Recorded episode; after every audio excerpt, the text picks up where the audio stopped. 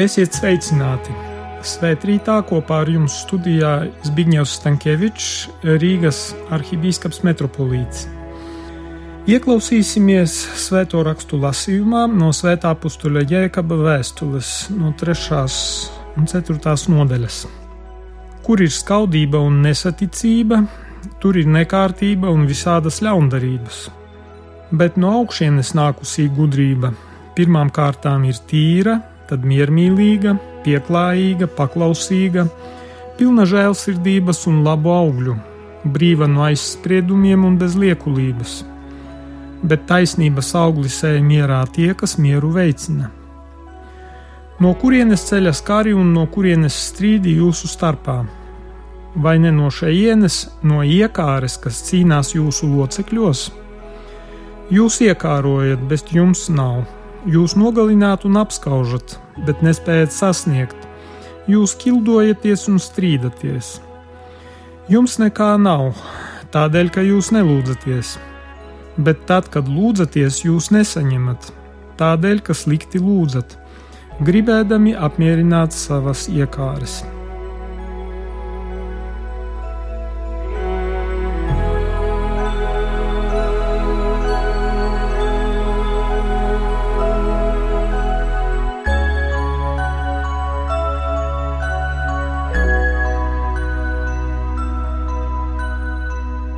Darbie radioklausītāji, šis teksts ir paredzēts Svētdienas dievkalpojumam. Tas ir tā saucamais otrais lasījums, kas ir pirms evaņģēlija. Un tālāk, pirms evaņģēlija, ir vers, kurš skan sekojoši: Dievs mūs ir aicinājis, atklādams labo vēsti, lai mēs iemantotu mūsu Kunga Jēzus Kristus godību. Tad lūk, tikko dzirdētais teksts, tā bija labā vēsts priekš mums kura varbūt vienai otrai ausī nebija īpaši patīkama, jo tas vārds bija tāds diezgan bargs savā lielākajā daļā. Bet pamēģināsim tomēr paskatīties arī no pozitīvā aspekta uz šo vārdu. Nu, parasti tad, kad mēs redzam mums apkārt kādus konfliktus un nemierus, tad mēs meklējam kādus ārējus iemeslus, mēs meklējam vainīgo. Bet šis teksts mums norāda uz nemieru, karu, ķildu un kašķu, visu iespējamo, un arī visu to, ko mēs redzam tagad, to priekšvēlēšanu drudzi. Parāda uz tiem dziļākajiem cēloņiem, uz dziļākajām saknēm, var teikt, atbruņo indes zeloni šim nemiera ļaunumam. Šis teksts arī runā par diva veida gudrībām. Šodienas fragmentā te ir tikai noslēgums attiecībā par to pirmo gudrību, negatīvo gudrību. Tur ir teikts, ka tā ir tāda miesīga, tā nākusi no zemes un pat dēmoniska, tāds beigās tāds spēcīgs akcents. Un mēs redzam, ka zemes virsū, ka cilvēku sabiedrībā patiešām ir tādi, kas ir labi izglītoti, kas ir ļoti apsviedīgi, kuriem ir augsts IQ, tātad inteliģences līmenis, prāta spēju līmenis, bet viņi izmanto šo savu potenciālu, savu izglītību, šo, teikšu tā, dieva doto dāvanu, izmanto tikai savās egoistiskās interesēs, lai pāri citu galvām kāptu pa karjeras kāpnēm, iegūtu ietekmi, varu un bieži vien, es teiktu, visbiežāk arī uz tā rēķina pelnītu. Tā ir viena tā saucamā gudrība, un Dieva vārds šāda veida gudrību nosoda un pasaka, tai nav nekā kopīga ar Dievu, tai nav nekā kopīga ar Dieva garu. Un tai pretnostata otru gudrību, saka, tīra, miermīlīga, pieklājīga, tātad laipna, tātad viņa līdzīgi kā kad ūdens piliens nokrīt uz sūkļa, tad viņš iesūcas un tur nav tas pakšķis, nav trieciena, atšķirībā no tā, kad, piemēram, ūdens pili nokrīt uz akmens. Tālāk saka paklausīga, pilna žēlsirdības un labu augļu, brīva no aizspriedumiem un bez liekulības Šeit gan tas tulkojums brīva no aizspriedumiem par to svēto rakstu pētnieki ļoti diskutē, un tā būtība šeit ir sekojoša. Piemēram, Krievu valodā ir tāds vārds liceprijaķie. Tas nozīmē izpatikt atkarībā no tā, kādu pozīciju cilvēks ieņem, teiksim, tajā hierarhijā. Tas nozīmē neizpatikt cilvēkam atkarībā no viņa ieņemamā amata, no viņa ietekmes.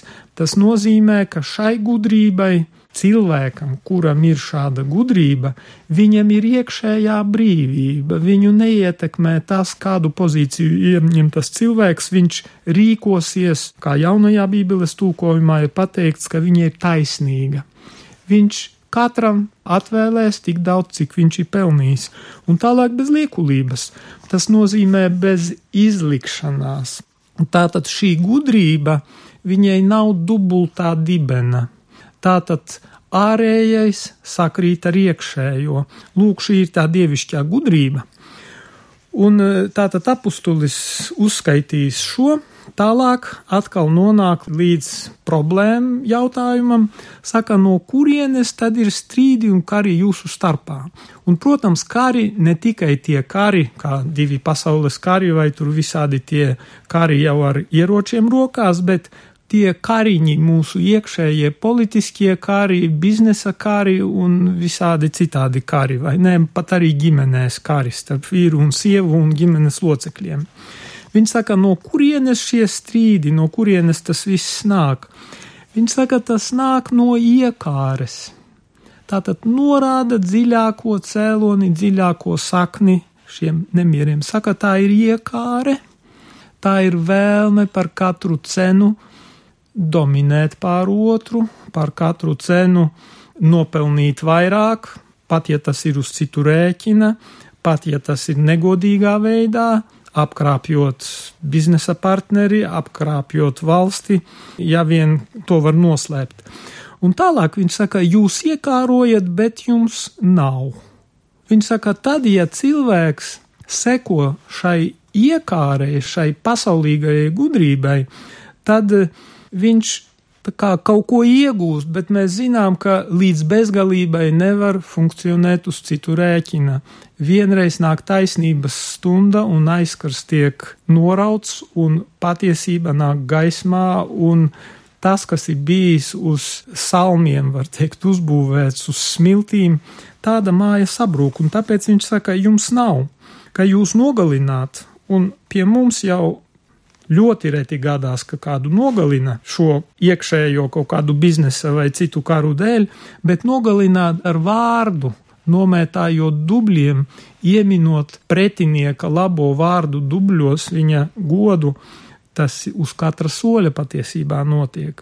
Un viņš saka, jā, jūs gribat sasniegt šo domināciju pār citiem negodīgiem līdzekļiem, bet nespējat sasniegt. Un tālāk saka, jums beigās, nu, tā kā ar to zelta zīltiņu pasakā, visu mēģina, bet beigās paliek pie sasistas siles. Un viņš saka, jums nekā nav. Tas ir tas rezultāts cilvēkam, kurš seko šai demoniskajai, miesīgajai gudrībai.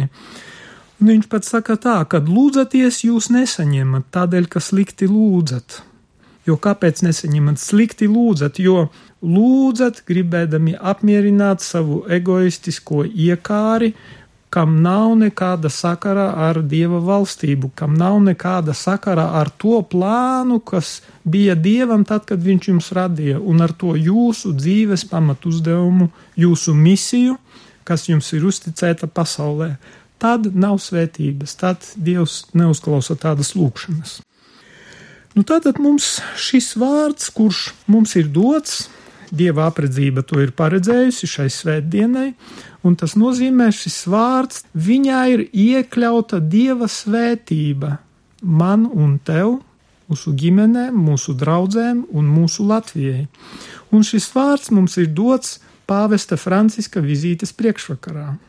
Daudzi uzdot jautājumu, kāpēc viņa vizīte ir tik īpaša, kāpēc viņa tiek izcelta salīdzinot ar citu valsts vadītāju vizītēm. Tieši tāpēc, ka viņa klātbūtne un viņa vārds var palīdzēt izgaismot mūsu nelaimju un mūsu problēmu un kašķu dziļākos cēloņus un uzcelt gaismā to, kas mums dos atbildi, lai mēs varētu dzīvot mierā, saticībā un arī pārticībā šeit Latvijā. Un izpildīt katrs mums uzticēto misiju, tad, kad mēs tikām radīti mātes klēpī, un mūsos tika ieliktas dāvanas, spējas, talanti, kuri mums ir doti nevis, lai mēs paši uz citu rēķina paceltos un paaugstinātos pāri citiem, bet lai mēs kalpotu mūsu tuvākajiem un palīdzētu arī viņiem īstenot savu cilvēcību, savu to dievu attēlu un līdzību, kas ir ielikta katrā cilvēkā. Tā ka šajā priekšvakarā tas mums ir kā stiprinājums, kā gaismas stars mūsu tālākajam ceļam, un noslēgumā gribu pateikt, nāciet un redziet, tā kā evaņģēlijā pateikts, aicinu ikvienu piedalīties kādā no pasākumiem, kas būs rītā ar pāvesta Franciska piedalīšanos, jo pēc Jāņa Pāvila otrā vizītes ir pagājuši 25 gadi, un tagad tie, kuri bija ar viņu satikušies, raksta grāmatas, rakstus, jo redzams, ka tā sēkla, kas viņos iekrita saskaroties ar pāvesta personību, līdz šodienai nes savus augļus.